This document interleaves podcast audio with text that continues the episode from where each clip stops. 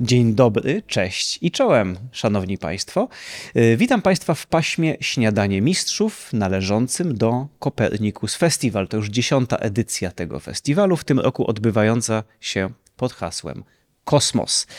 Y, Cały program tego festiwalu dostępny jest na stronie www.kopernikusfestival.com, y, a także y, z przyjemnością informuję, że to, co część z Państwa słyszy, inni Państwo widzą w tym momencie i ci, którzy mają ochotę popatrzeć na to, co się dzieje tutaj w naszym studio, znajdą wszystkie nagrania na kanale YouTube o nazwie Kopernikus. A dzisiaj przed nami śniadanie. Będziemy śniadać dzisiaj y, w towarzystwie naszego mistrza, profesora Jerzego Dzika, paleontologa, paleobiologa, y, członka Polskiej Akademii Nauk, obecnie stowarzyszonego z Instytutem Paleobiologii PANU.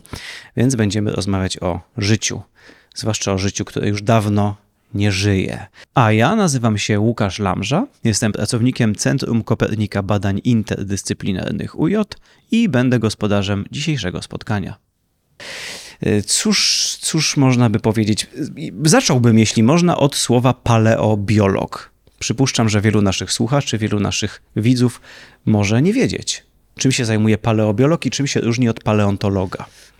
Niczym tak naprawdę się nie różni, poza tym, że e, w w niektórych środowiskach preferowane jest mówienie o paleobiologii w kontekście związków e, skamieniałości tego zapisu kopalnego, z którym paleontolog ma do czynienia e, z biologią, a geolodzy preferują bardziej tradycyjny, mm, bardziej tradycyjną nazwę paleontolog czy paleontologia w gruncie rzeczy neutralne, bo, bo, bo, nie ma tam w tym zawartego związku z którąkolwiek inną dziedziną czy dyscypliną nauki. Także paleobiolog, paleobiolog, paleobiologia oznacza, że stara się ten, kto do tego się przyznaje, do, tego, do, tego, do takiej do takiego tytułu, skupia się na aspektach biologicznych zapisu kopalnego, a nie tylko na stratygrafii czy, czy, czy jakichś złożowych aspektach, które paleontolodzy również mogą napotykać.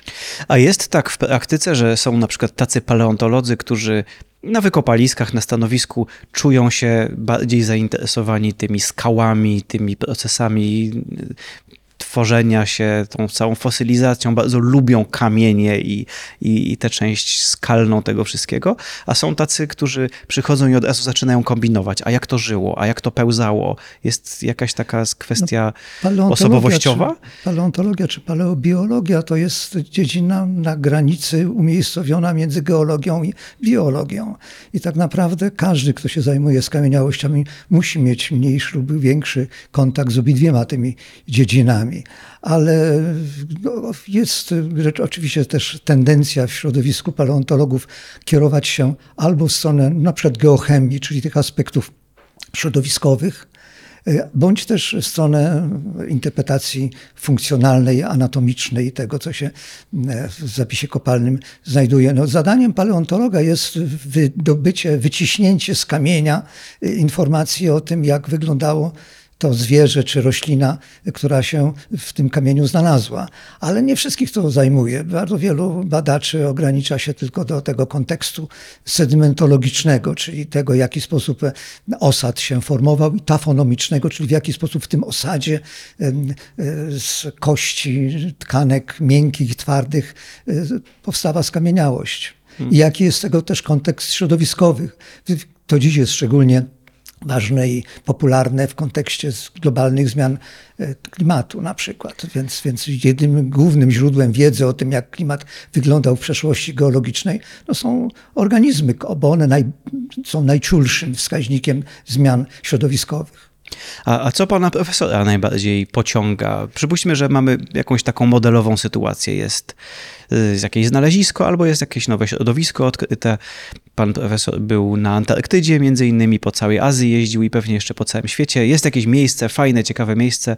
I co pana najbardziej pociąga w tej pracy? Mnie najbardziej interesowało w zapisie kopalnym y, jego to, co, co się odnosi bezpośrednio do przebiegu ewolucji, a szczególnie ewolucji na poziomie zmian populacyjnych.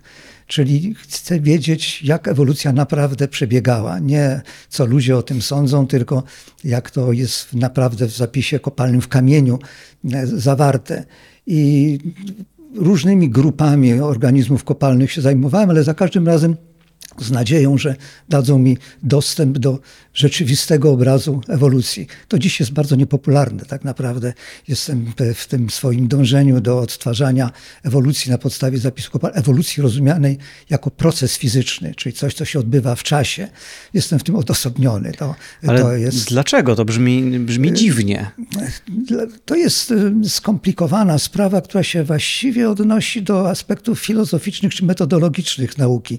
Wtedy, kiedy ja e, zaczynałem pracę w zawodzie swoim paleontologa, to toczyły się zażarte dyskusje e, dwóch szkół. Pier, pier, jedna z nich to jest próbująca e, zastosować do zapisu kopalnego to, co Karl Popper proponował, czyli tworzenia takich hipotez, których, z których wynikają jakieś wnioski, które można skonfrontować z realiami w zapisie kopalnym. To jest ta, ta, ta taka klasyczna jakby w tych czasach, przynajmniej to była klasyczna e, droga do wiedzy o, o ewolucji, a druga droga to przez Tomasa Kuna w swoim czasie upowszechniana, e, który twierdził, że nauka e, to jest to, co robią naukowcy.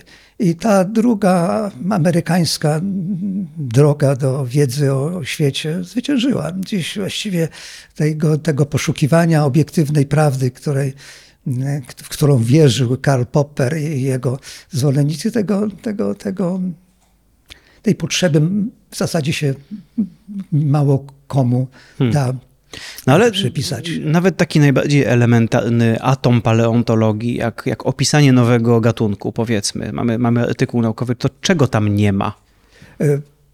E, to opisywanie nowego gatunku jest rzeczywiście czymś, co dla wielu badaczy jest celem ich aktywności i to się wiąże z podejściem do świata klasyfikacyjnego. Znaczy, nasz umysł lubi klasyfikację, natomiast nasz umysł nie lubi ciągłości.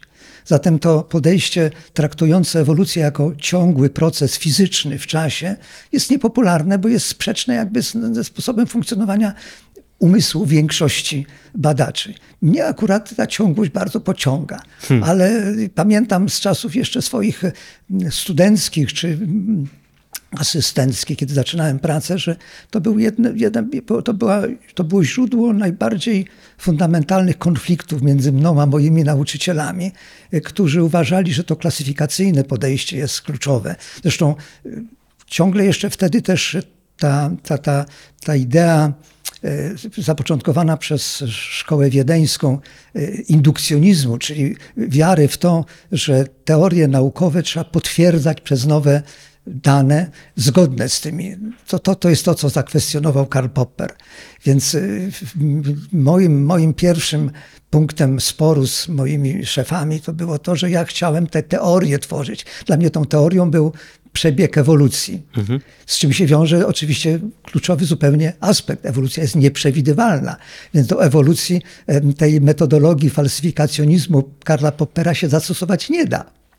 Przynajmniej, bo nie ma e, predykcji. Nie, ma, nie, nie, nie mogę powiedzieć na podstawie wiedzy o jakichś skamieniałościach, co się stanie w toku ewolucji z organizmami, e, z których te skamieniałości powstały. Więc jednym z moich takich e, obsesyjnych właściwie aspektów działalności naukowej to było mm, spróbowanie znalezienia takiej drogi rozumowania, która pozwoli na zastosowanie do zapisu kopalnego ewolucji tej metodologii Poppera. No i pewną pewnym wsparciem e, dla mnie to było to, co Günther Wechtershäuser, badacz, właściwie trudno powiedzieć, że badacz, bo on zatrudniony jest w urzędzie patentowym, e, który, który próbował zinterpretować początki e, świata żywego no, w kategoriach identyfikowania najbardziej pierwotnych procesów biochemicznych w organizmach zachodzących.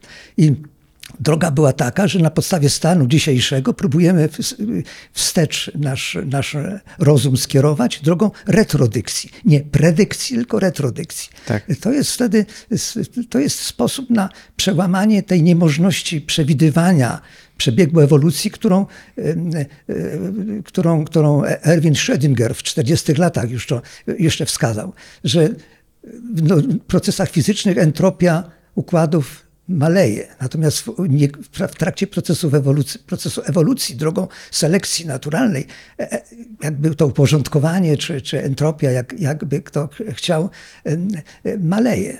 Czyli jest przeciwny kierunek ewolucji. Zasadniczo ewolucji rośnie, natomiast świat Więc retrodykcja ten problem, ten problem usuwa, ponieważ my kierujemy się wstecz po drodze ewolucji, czyli w stronę zwiększającej się entropii.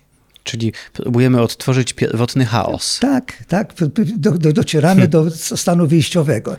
Ja, ja to publikowałem na ten temat, ale nikomu się to specjalnie nie, nie, nie, nie spodobało. Nie, nie, nie znalazłem zwolenników tego podejścia. Ale czy to można zastosować w mniejszej skali? Na przykład bierzemy ewolucję zwierząt albo ewolucję kręgowców. Czy z tego by wynikało, że najwcześniejsze zwierzęta były w pewnym sensie najbardziej nieuporządkowane i z czasem następowało ich porządkowanie się? Prawdopodobnie tak było, aczkolwiek trzeba zwrócić też uwagę na to, że przy, przy, tych sposobach wnioskowania, którymi dziś dysponujemy, to my staramy się e, odtworzyć przodka wspólnego e, poprzez wyselekcjonowanie cech wspólnych dla jego potomków.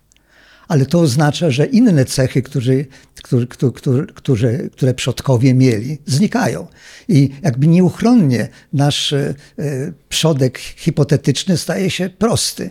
Ale to jest fałszywy punkt widzenia, ponieważ do dzisiaj przetrwały tylko niektóre cechy e, tych, e, tego, tego, czym się cechował nasz przodek. No tak. zatem, zatem, zatem my, skąd w takim razie możemy się dowiedzieć, jak naprawdę nasz przodek wyglądał? No tylko z zapisu kopalnego. No, tak. no i zapis kopalny pokazuje, że przodkowie rzeczywiście mieli co prawda te cechy, które można odtworzyć na podstawie stanu dzisiejszego, Aczkolwiek jest tym ogromne ryzyko, bo często jest tak, że żadne cechy pierwotne nie przetrwały. To wszystkie dzisiejsze organizmy mają za sobą tyle samo ewolucji. Tak. Prawda? Tak. Więc, więc większość z nich nie, nie ma w sobie e, rzeczywistych cech przodków. Nie, nie ma czegoś takiego nie jak czegoś. prymitywne więc, zwierzę. Więc, więc, oczywiście ta, e, ta koncepcja Schrödingera o tej negentropii, ona się odnosi do całych układów. To jest zresztą niesłychanie skomplikowane, skomplikowane zagadnienie, bo pytanie jest, co, do czego się odnosi ta prostota lub, lub, komplikacja, ta negentropia czy entropia. W przypadku organizmów żywych to ona się nie odnosi do złożoności organizmów bo organizmy złożone, e, e, podobnie jak organizmy proste, trwały do dziś i funkcjonują doskonale. E, robaki takie jak Cynorhabditis elegans funkcjonuje w środowisku naturalnym równie dobrze jak słoni czy wieloryb.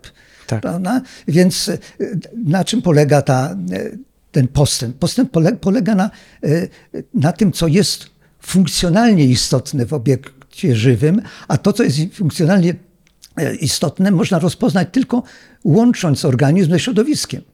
Nie jako, jako złożoność anatomiczną czy mhm. komplikację, tylko, tylko efektywność układu organizm, środowisko, e, jego, e, środowisko go otaczające.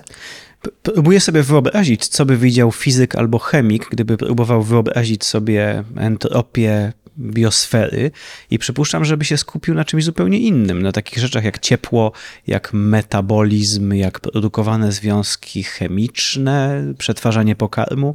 Przypuszczam, że coś takiego. Chyba by się nie zainteresował wszystko, nawet tym, to, czy to, to ma 12 oczywiście. różnych kończyn, tylko czy jaki to ma efekt Jaki to ma efekt e, funkcjonalny, to znaczy podstawowe pytanie to jest takie, czy w toku ewolucji wzrasta efektywność wykorzystania materii i energii środowiska.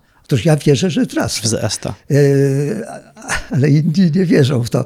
Inni są tacy, którzy twierdzą, że właściwie od czasu, od e, okresu kambryjskiego się nic pod tym względem nie zmieniło. Mhm.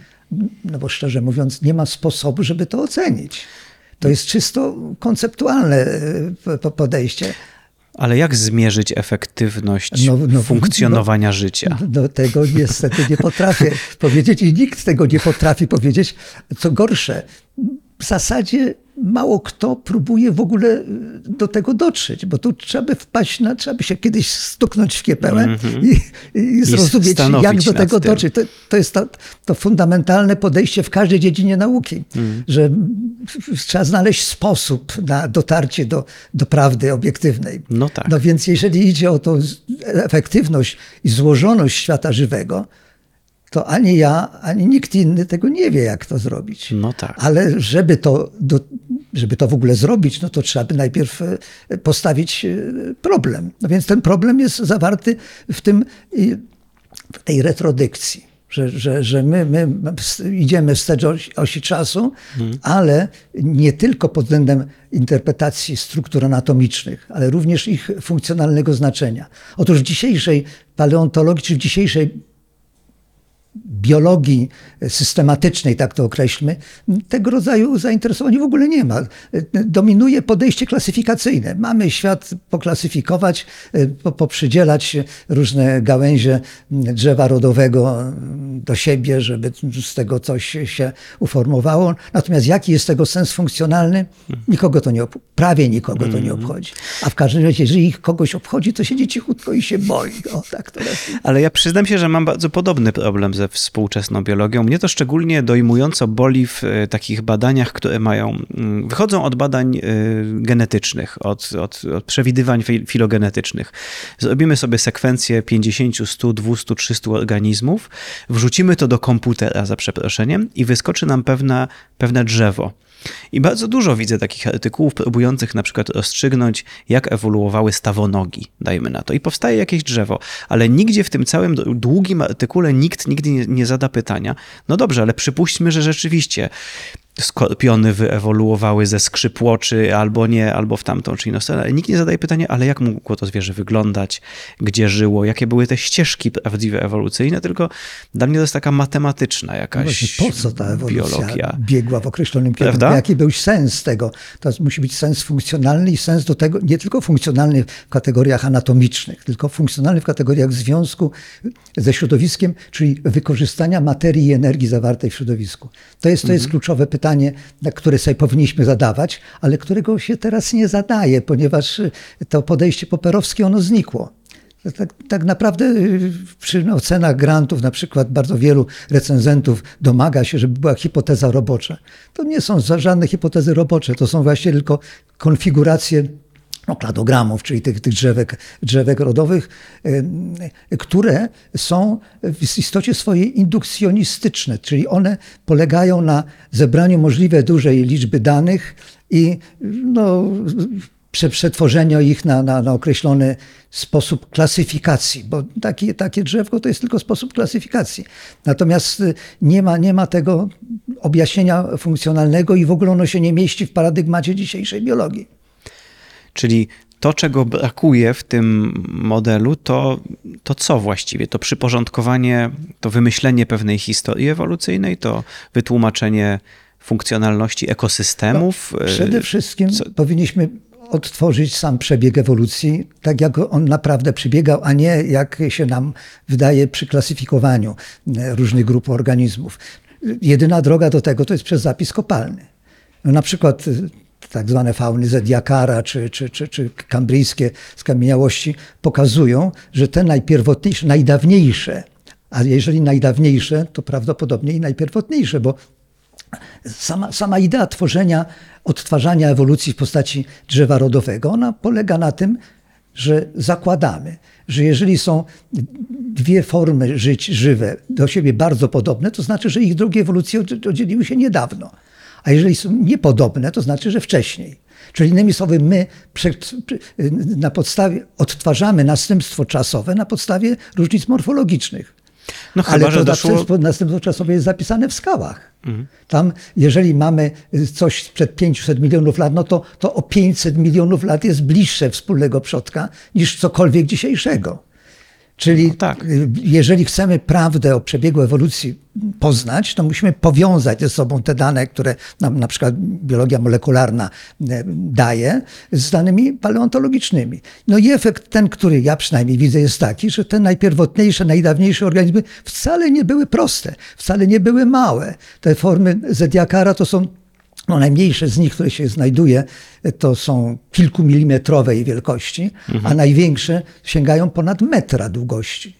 Tak. Czyli one nie były wcale mniej skomplikowane niż dzisiejsze organizmy, tylko że mają cechy, które u dzisiejszych, do- dzisiejszych organizmów nie przetrwały. Y, Ale to tak naprawdę ma właśnie sens funkcjonalny, bo na czym polega wielokomórkowość? Dlaczego organizmy są wielokomórkowe? Dlaczego zwierzęta są wielokomórkowe? Ponieważ y, chodzi głównie o transport materii i energii w obrębie organizmu. Przy maleńkich rozmiarach mikroskopijnych wystarczą procesy biochemiczne. Przez błonę Dyfuzja. komórkową, kanały błonowe y, załatwiają sprawę, ale jak się robi większe rozmiary, to wtedy hydraulika jest niezbędna. Czyli organizmy wielokomórkowe nie mogły być na początku maleńkie, nie mogły być mikroskopijne, bo to nie ma sensu funkcjonalnego. No, na przykład taka banalna rzecz, którą teraz mówię. E, I rzeczywiście to się zgadza z zapisem kopalnym. Czyli one musiały szybko osiągnąć rozmiary makroskopowe. A, tego, czy szybko, czy wolno, to my tego nie wiemy. To z następstwa w, w warstwach skalnych moglibyśmy odczytać, gdybyśmy potrafili precyzyjnie datować i gdyby zapis kopalny był w miarę kompletny. Ale on nie jest kompletny. To od, od czasów e, Darwina wiemy, że w zasadzie to my mamy tylko punktowe e, takie okna, jak to się mówi, tafonomi, okna tafonomiczne, czyli gdzieś tam się pojawia możliwość zachowania w zapisie kopalnym wiedzy o anatomii czy biologii jakichś organizmów, ale to się pojawia w sposób no, nieomal losowy. Mhm.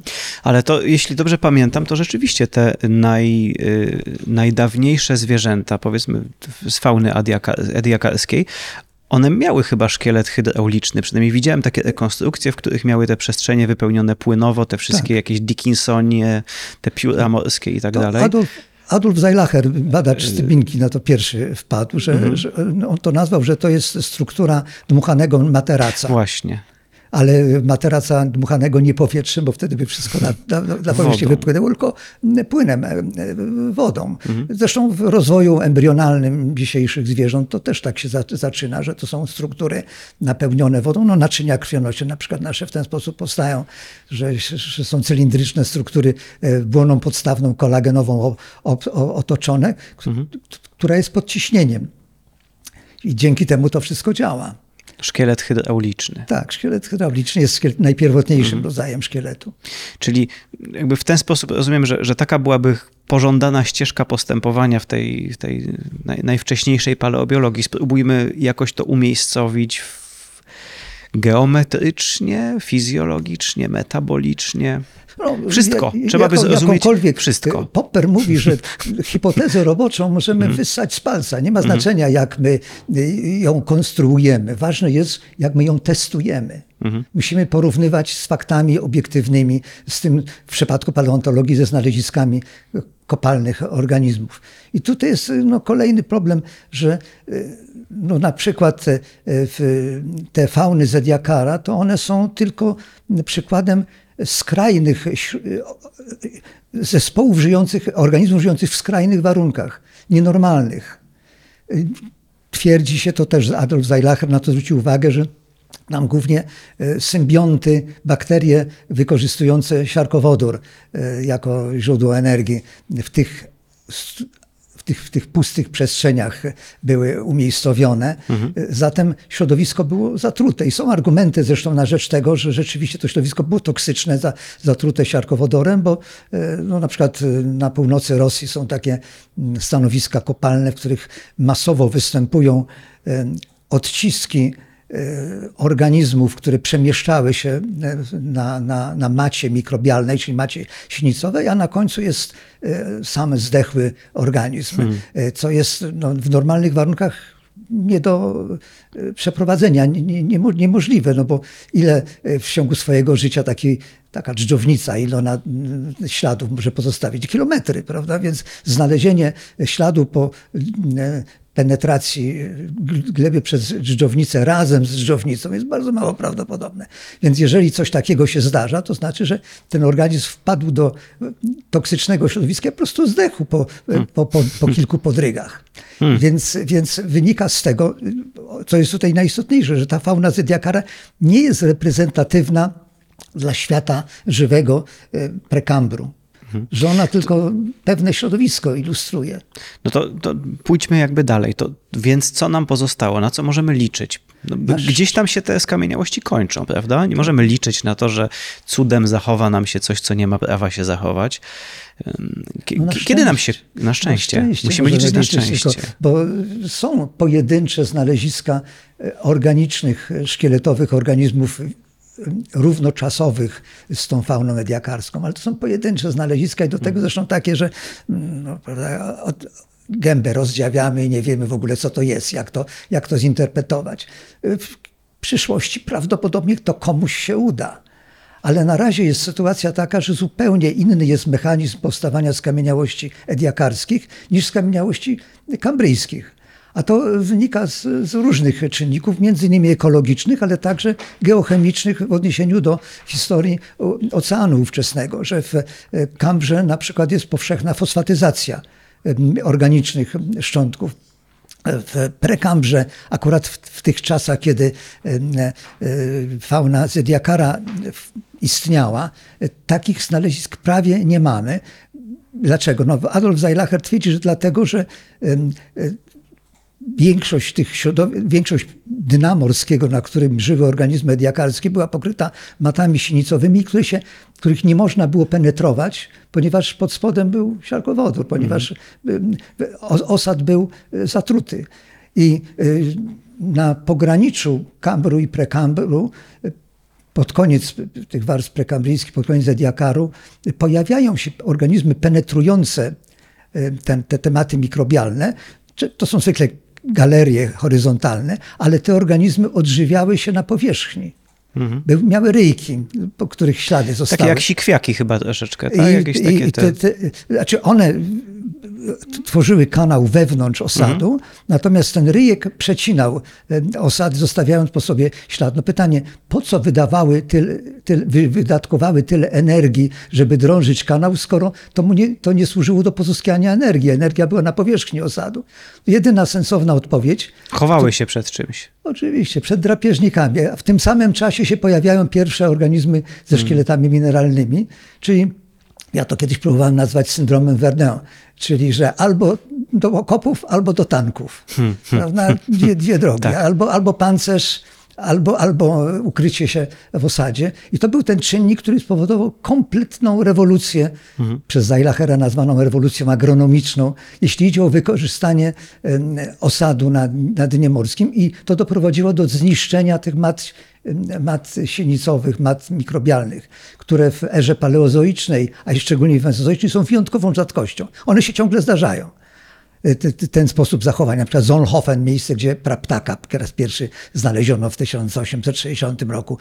To jest takie miejsce, gdzie również mamy dowody na zatrucie środowiska przez siarkowodór mhm. i mamy tam na tej marcie mikrobialnej, która tam prawdopodobnie co pewien czas powstawała, mamy odciski na przykład medus. Mhm. Takich, tak samo powstające jak te odciski z fauny diakarskiej. Więc wynika z tego, że my powolutku zaczynamy co nieco z tego rozumieć, ale ciągle nie wiemy, jak wyglądały te organizmy z czasów fauny ediakalskiej, które żyły w normalnym środowisku, a nie w środowisku zatrutym. Czyli potrzebny nam jest łód szczęścia, żeby znaleźć żeby jakieś znaleźć takie, takie środowisko. Miejsce, gdzie, gdzie, gdzie mechanizmy fosylizacji, tworzenia skamieniałości mm. są szczególnie dogodne dla tych mm. miękkociałych organizmów no albo jakąś drogą okrężną do tego do, dotrzemy. A to, to może pójdźmy jeszcze głębiej w czasie, bo ci z naszych słuchaczy, widzów, którzy nie, nie, pamię- nie mają tabeli etygraficznej z tyłu głowy, mogą się zastanawiać, o jakich czasach mówimy. No, na razie jesteśmy dosyć blisko współczesności. No 500 kilkadziesiąt milionów lat. milionów. Ediaka 600, powiedzmy sobie, tam już chyba mamy, jeśli dobrze pamiętam, 630, jakieś hmm. takie naj, najstarsze. No i co dalej? Życie miało wówczas już około 3 miliardy lat ewolucji za sobą. Co, co, możemy, co można paleontologicznie powiedzieć? I może są jakieś, in, jakieś ogólne zasady, które nam pomogą w poruszaniu się w tych trzech miliardach w- lat w życia. tym, w jaki sposób miałyby się zachować najbardziej pierwotne organizmy. Do tego, żeby znaleźć w zapisie kopalnym e, no, jakiś rozpoznawalny szczątek, no, potrzebna jest jakaś struktura szkieletowa, która ulegnie e, karbonizacji, która ulegnie uwęgleniu, czyli zastąpieniu polimerów, e, takich jak, jak białka czy, czy, czy polisacharydy, e, zastąpieniu ich przez węglowodory alifatyczne, czyli łańcuchowe. To jest ten powszechny mm, mechanizm. Czyli na początku musimy mieć te, te polimery, ścianę komórkową. Więc ściana komórkowa występuje u najstarszych, bezdyskusyjnych organizmów zachowanych jako skamieniałości, liczących 2 miliardy lat. Zresztą to zostało jeszcze w latach 40. ubiegłego wieku znalezione, to jest tak zwana flora Gunflint w, Kanadzie. Gunflint to znaczy skałkowa, od skałek do muszkietów. Tak. E, I e, nie, nie ma mocnych dowodów na to, że wcześniej, są jakieś wcześniejsze szczątki e, organizmów, no bo e, jak rozpoznać kulistą strukturę pochodzenia organicznego od kulistej struktury pochodzenia nieorganicznego? No to nie ma sposobu. Więc e, ta, ten, ta droga rozumowania, że szukamy szkieletowych struktur organicznych, ona od pewnego momentu zawodzi. Już poniżej tych dwóch czy, czy, więcej niż dwóch miliardów lat się w ten sposób nie da e, zejść. Więc były pomysły takie, żeby na przykład proporcje izotopów e, stabilnych węgla określać. W trakcie procesów biologicznych następuje wzbogacanie w lżejszy izotop e, węgla, no bo ze względów termodynamicznych po prostu. Ale i jak zaczęto to badać, to okazało się, że wszys- wszystek węgiel w najstarszych skałach e, znanych na Ziemi jest wzbogacony, czyli jest pochodzenia organicznego. Zapominając o tym, co zresztą jeszcze w latach 70. Rosjanie po raz pierwszy stwierdzili, że w przypadku syntezy e, zredukowanych związków węgla, na przykład w- syntezie Fischera-Tropscha benzyny syntetycznej, następuje wzbogacenie w lekki izotop węgla jeszcze Też. większe niż Aha. w związkach organicznych. Czyli tak naprawdę było to zupełnie fałszywe e, rozumowanie, na którym e, oparte są setki, jeśli nie tysiące publikacji naukowych e, dowodzących, że 3,2 3 3,8 miliarda lat temu już na Ziemi nie tylko, że życie było, ale to życie było na tyle intensywne, Tak. że pozostawiło na tyle tego, dużo tego węgla, że my go dzisiaj możemy wydobyć. To jest samo w sobie absurdem. Więc tak naprawdę my nie wiemy, kiedy życie powstało, nie wiemy, ile liczyć y, pustego czasu do tych dwóch miliardów, kiedy wiemy, że na pewno mamy do czynienia z komórkami bakteryjnymi. To jest zupełna w tej chwili niewiadoma. I tylko możemy sobie pospekulować i odpowiedź na te fundamentalne pytanie dotyczące początków na życia jest w rękach geologów.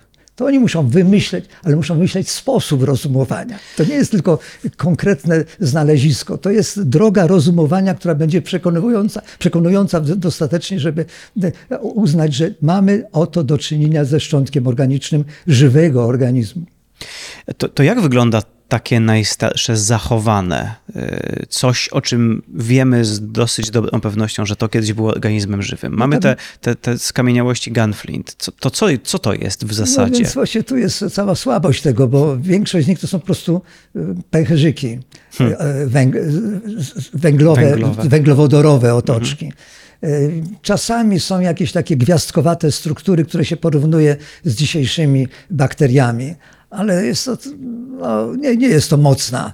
W ogóle nie jest to mocna argumentacja. To, Więc to przepraszam, to, to do kiedy sięga mocna argumentacja? Taka naprawdę mocna, czyli wielokomórkowe organizmy, krasnorosty do, dokładniej, czyli nitkowate kolonie, które w bardzo specyficzny sposób się dzielą, po, po osiem komórek na przykład. je- Y, Ba bangiomorfa, tak? E, Na przykład bagiomorfa, ale są starsze od bagio- bagiomorfa. O. Jeśli dobrze pamiętam, to jest 1,2 miliarda lat, a ostatnio były opis, nie os- tak, ostatnio parę lat temu już e, z Indii były opisywane takie, które liczą 1,8 O. miliarda lat. Czyli 1,8 miliarda lat temu to były już e, e, organizmy wielokomórkowe. Do tego organizmy wielokomórkowe, w których, w których funkcjonowały geny homeotyczne decydujące o losach poszczególnych komórek. Ta bangiomorfa można poznać- ma, ma e, ryzoidy, ma komórki służące do przytwierdzania do podłoża. Czyli to już jest w pewien sposób zaawansowania istotny. No ale pomiędzy dwoma miliardami lat, gdzie mamy no, prawie pewne znaleziska, a 1,8 miliarda lat jest ciągle 200 milionów lat. To nie jest tak mało. Ta skala jest niesamowita, prawda? Co się wydarzyło w ciągu ostatnich 200 milionów lat w ewolucji, No. prawda? Ale czy mamy prawo przypuszczać, że pomiędzy dwoma miliardami lat temu, a 1,8 miliarda lat temu wydarzyło się tak samo dużo w, w ewolucji organizmów żywych, co w ciągu ostatnich 200 milionów lat, czy, czy mniej? no, czy to były wracamy- wolniejsze czasy? Wracamy do Erwina Schrödingera, czyli do, do, do tego, czy ta negentropia, y, czy ona y, y, dostarczała złożoności w stałym tempie przez dzieje życia, czy też y, ta intensywność ewolucji ulegała y, zintensyfikowaniu, zwiększeniu. To jest ostatnio popularne pojęcie ewolu- ewoluowalno, ewoluowalności, evolvability, E, że czy, czy ta zdolność do ewolucji jest stała, czy jest, jeżeli wzrasta złożoność, to można by domniemywać, że ona powinna być coraz intensywniejsza. Prawda? Bo im, Jeżeli bardziej im bardziej skomplikowany układ stosunków pomiędzy organizmami, tym, im, tym bardziej precyzyjny nacisk selekcyjny, czyli tym efektywniejsza ewolucja. Więc można by domniemywać, że początkowo ta, to tempo ewolucji było znacznie mniejsze niż jest dziś, czy, czy w mniejszych czasach. Ale do, do tego dochodzi mnóstwo jeszcze komplikacji, no, takich y, pytanie, jak mierzyć to, to, to, tą intensywność ewolucji. No od tego tutaj zaczęliśmy, prawda? D- d- Powinniśmy wtedy od strony funkcjonalnej próbować to zrozumieć, jak, jak one działały. Z tego, że mamy te pęcherzyki, to nie wiemy, jaki był metabolizm tych organizmów. My możemy ten metabolizm próbować odtworzyć na podstawie danych o dzisiejszych organizmach, ale te dzisiejsze organizmy przecież mają tyle samo Mają za sobą dwa miliardy lat ewolucji. lat ewolucji.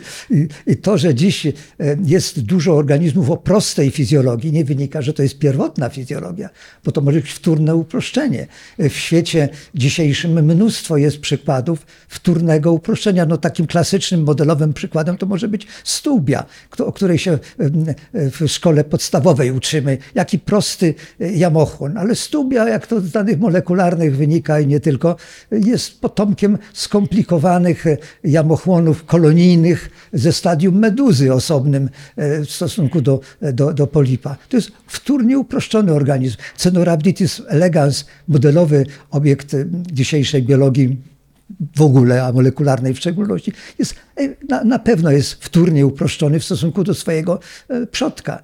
I ten przodek, jeśli tam pociągnąć potem po zapisie kopalnym, był nie tylko e, bardziej skomplikowany, był również większy. Tych przodków ten, ten przodek był częścią bardziej złożonego ekosystemu, ze znacznie większą liczbą pokrewnych form, niż sobie dzisiaj jesteśmy w stanie to wyobrazić. No, na przykład z danych e, no, w ciągu ostatnich, za mojego życia, osiągniętych w odniesieniu do takich faun kambryjskich, jak Chengjiang czy Budges z, z Kanady, to się okazało, że wtedy ogromnie zróżnicowane były robaki obłe, czyli przodkowie Cenorhabditis elegans i żebropławy oraz przodkowie niesporczaków dzisiejszych.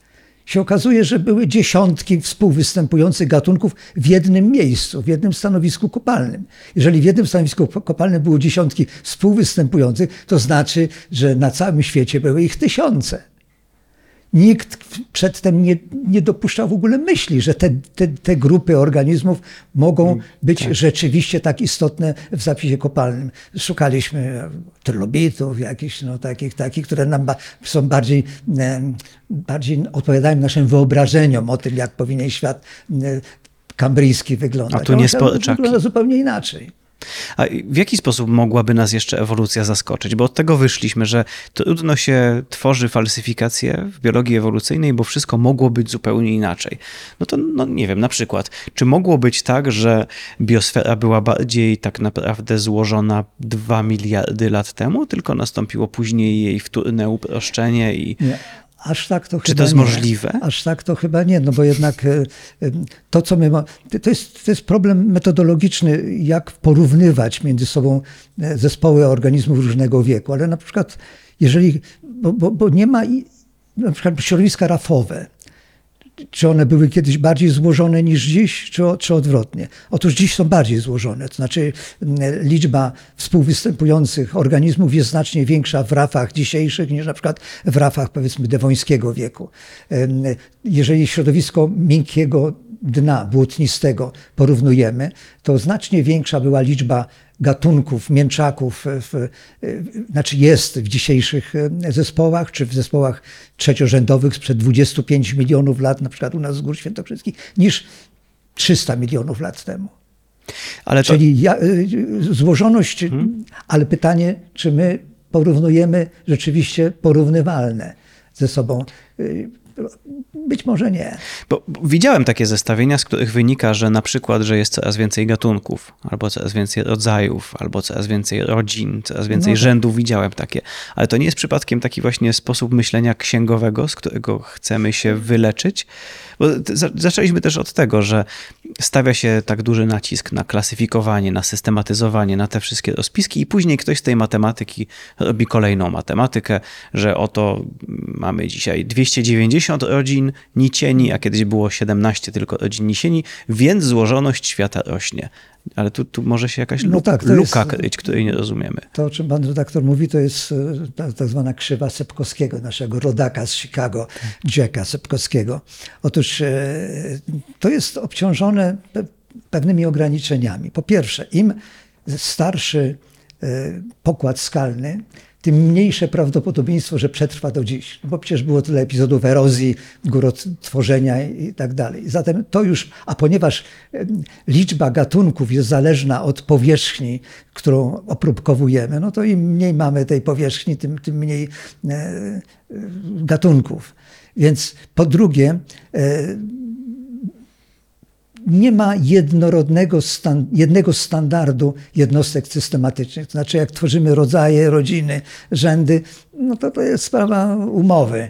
I, i nie jest to ściśle ze sobą porównywalne. Do tego jeszcze ta krzywa Sepkowskiego, ona nie może już być dalej rozwijana, ponieważ zupełnie zmieniło się podejście do klasyfikacji. Teraz dominuje klasyfikacja kladystyczna, która jest odmienna od klasycznej linneuszowskiej i zupełnie inaczej są pojmowane jednostki systematyczne. No ale załóżmy, że, że Sep- Sepkowski to mniej więcej oszacował. Więc jeżeli by tak to potraktować, to pomijając jakieś subtelności tej krzywej, to ona chyba odzwierciedla rzeczywistość aczkolwiek odnosi się do organizmów o określonym, jak to my mówimy, potencjale fosylizacyjnym, czyli zdolności do przekształcenia się w skamieniałości.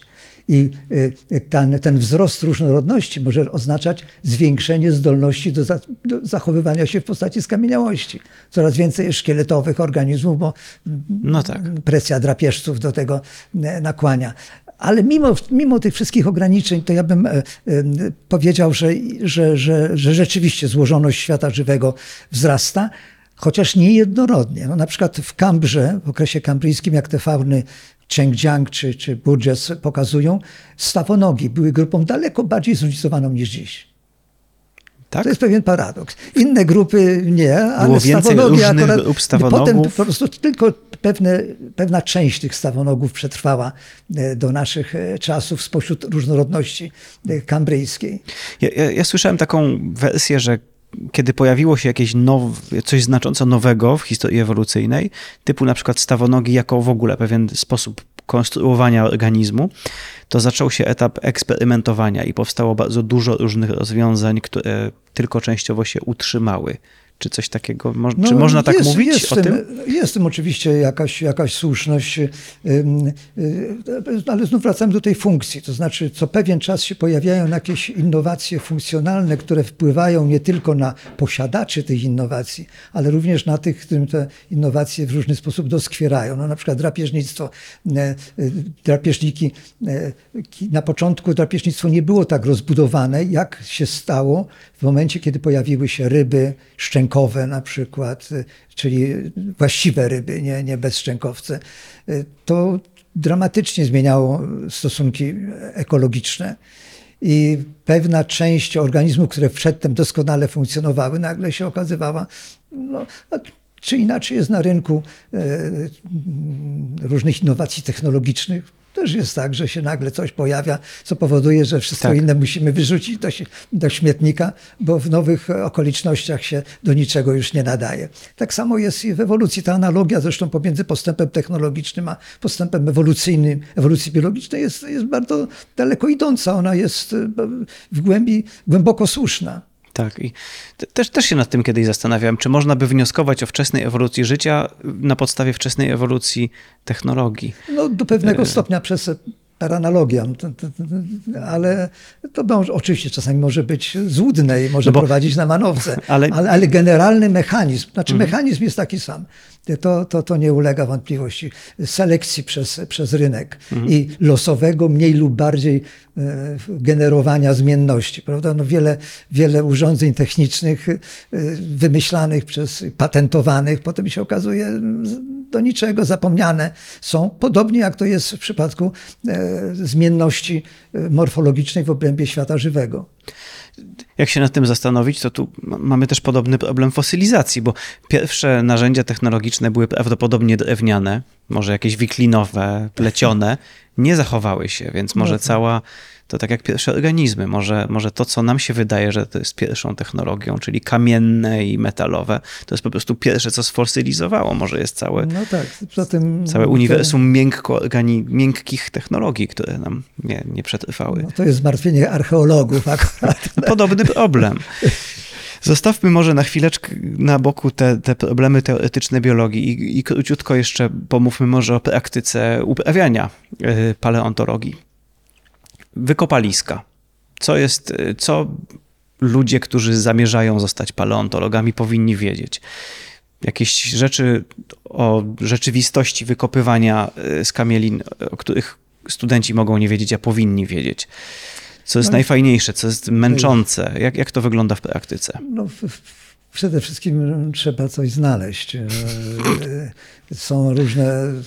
W, w dzisiejszych czasach technologia rzeczywiście pozwala na znacznie więcej, jeśli idzie o rozpoznanie s- s- skamieniałego ka- zapisu kopalnego niż było kiedyś. Na przykład tomografia komputerowa e, e, w promieniach rentgena, e, X-ray, e, tomografia komputerowa, która i mikrotomografia, e, która pozwala na zajrzenie do wnętrza skały, wydobycie w cudzysłowie informacji o, o organizmie bez, niedestrukcyjny, bez niszczenia tej, tej skały.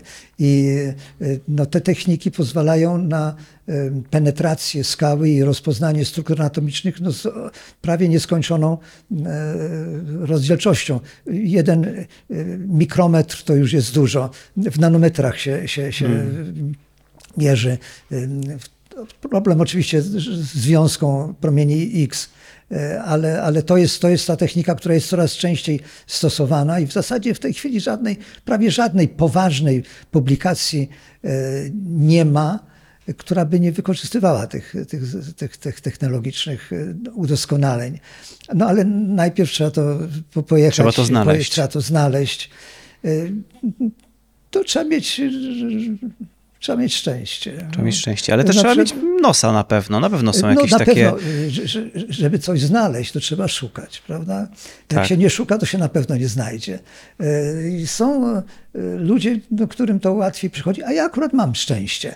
No, no, na, na przykład pamiętam w Woźnikach koło Częstochowy jest takie stanowisko kopalne przez moich doktorantów eksploatowane ja tam kiedyś pojechałem tylko z wizytą do nich. Wyjąłem dwie konkrecje. Jedna konkrecja to się okazała czaszką gada, a druga konkrecja e, to był e, świeżo wykluty z jaja pancerny gad e, triasowy.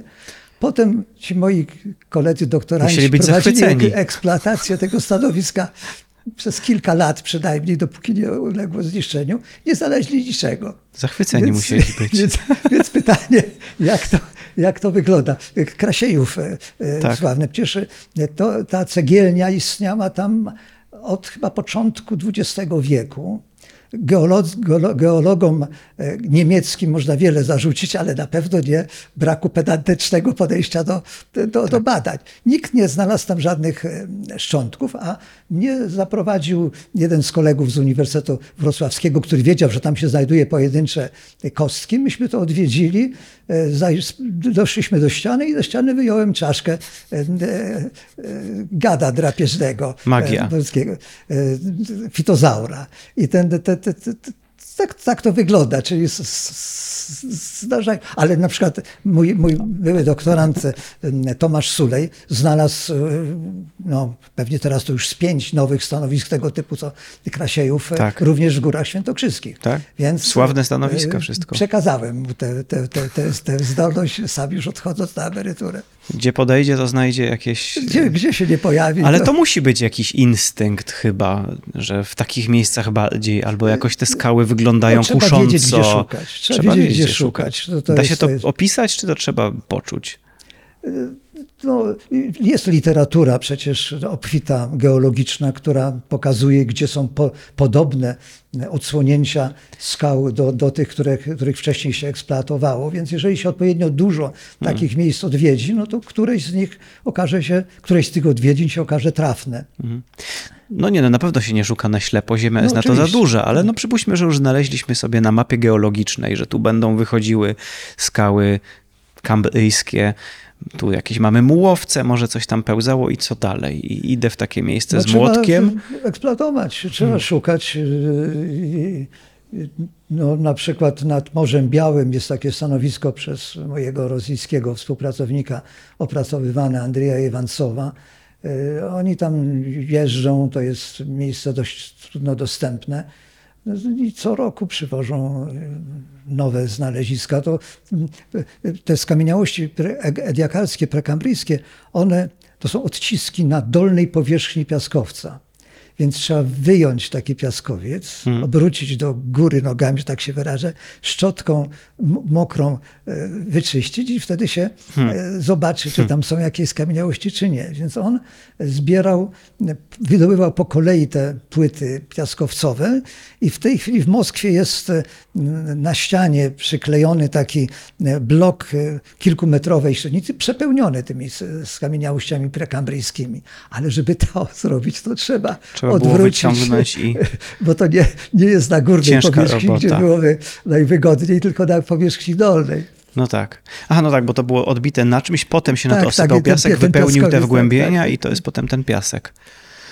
Ciężka praca. No więc y, czy, czy w przypadku skamieniałości sfosfatyzowanych trzeba rozpuścić e, odpowiednio dużo skały w kwasie, żeby potem to powybierać pod y, y, poślinioną, poślinionym włoskiem, poprzekładać do odpowiednich komórek. No ja w tej chwili na przykład e, przygotowuję e, publikację taką trochę przeglądową w oparciu o nie tylko moje, zresztą dane, ale dane ilościowe publikowane, ale w sumie to jest 600 tysięcy skamieniałości. Każda z nich y, rozpoznana, zaklasyfikowana do określonego tam aparatu.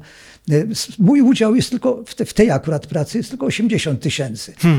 Ale kiedyś jak pracowałem Tylko. nad materiale dewońskim, to miałem chyba 240 tysięcy y, okazów. Kości. I to jest za mało do tego, żeby mieć rzeczywiście wiarygodny, pełen obraz przebiegu ewolucji. Tylko niektóre linie są dostatecznie dobrze ewolucyjne dostatecznie dobrze udokumentowane, więc to pokazuje, no, na ile y, żmudna może być praca, jeżeli się chce dotrzeć do obiektywnej prawdy Mm. o, o, o, przyrodzie przed, no powiedzmy, y, 470 milionami lat, no to co teraz akurat robię. No, brzmi jak ci- ciężki cel. Ale moment, wróćmy do tego. Mamy 50 tysięcy skamieniałości, czy, czy 100 tysięcy, 200. Jak to wygląda w praktyce? Mówimy o jakichś No kostkach, malutkie, to są na przykład szczęki konodonta na przykład, mili- tak? milimetra, każdy aparat, aparat I leżą na stole.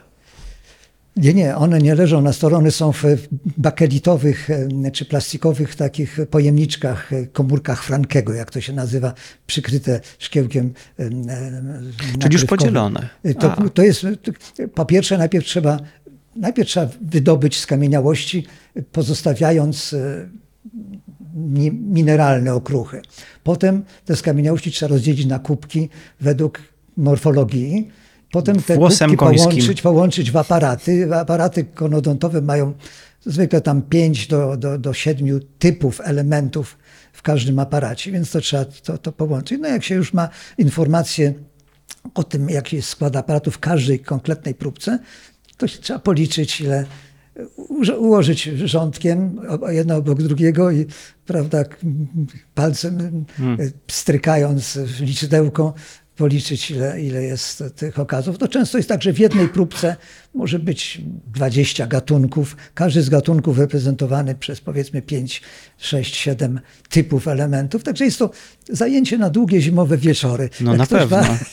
jak, trzeba mieć do tego cierpliwość. I każda z tych kosteczek mu, znaczy musi być wiadomo skąd pochodzi, czyli nie, no możemy, oczywiście, nie że- możemy się pogubić w tym Oczywiście, wszystkim, że jakąś oczywiście. kubkę To- kości gdzieś przesuniemy w oczywiście, prawo i Trzeba mieć, to... no najlepiej by było, gdyby mieć profil geologiczny, czyli następstwo warstw skalnych, no na tyle kompletne, e, jeśli idzie o możliwości wydobycia skamieniałości, żeby mieć ciągłość zapisu. Hmm. Jest taka, taka miejscowość Mójcza pod, pod Kielcami, gdzie jest wyjątkowo skondensowany statygraficznie zapis e, no, procesów ewolucyjnych w Ordowiku, obejmujący mniej więcej 25 milionów lat. To jest dostatecznie Dużo. dużo, żeby tam się dużo zdarzyło. I myśmy e, tam prześledzili nie tylko ewolucję tych konodontów, które tam akurat szczęśliwie ładnie ewoluują, ale również na przykład małżoraczków, maleńkich skorupiaków. Moja koleżanka zrobiła publikację na temat ewolucji tych, tych, tych skorupiaków w odniesieniu do każdego ze stadiów wylinkowych osobno. O, I No się świetnie. okazało, że nowo, nowości ewolucyjne najpierw się pojawiają na ostatnim stadium, a potem rozprzestrzeniają się na stadia coraz wcześniejsze. Co poniekąd y, dla biologa jest prawie że oczywiste, ale, Ale to jest to- udokumentowane. To, jest udokumentowane. No I żeby y, rzecz jeszcze tak do końca doprowadzić, ta publikacja została praktycznie zignorowana Hmm. przez badaczy, których takie rzeczy nie interesują, a została opublikowana w jednym z lepszych czasopism paleontologicznych. Nie, Hmm. nie, nie, nie, nie podrzędnie. No po prostu takie czasy. i znowu by trzeba mieć troszeczkę szczęścia. No, Pewnie. Tak, no, tak. I czy najlepiej jak się jest z Harvardu albo, e, albo z Cambridge, bo No tak. głos ze wschodu słabiej słychać, e, czegokolwiek by o tym nie sądzić. To, to, to na koniec o jeszcze jednej, e, jednej cesze dobrego paleontologa, a może nie, może mi się tylko wydaje, ale kiedy czytam Dzieje życia na Ziemi, e, to dla niewtajemniczonych to książka autorstwa pana Piąte profesora. wydanie jest w druku. Piąte już jest w druku? Tak. Schodzą, się- schodzą się jak ciepłe bułeczki. E, No to, no to świetnie, bardzo mnie to cieszy, to będę miał już trzecie, bo miałem pierwsze, czwarte, teraz będę miał piąte, teraz się cieszę. I tam są ilustracje, które są, są fenomenalne i są, o ile dobrze rozumiem, autorstwa pana profesora.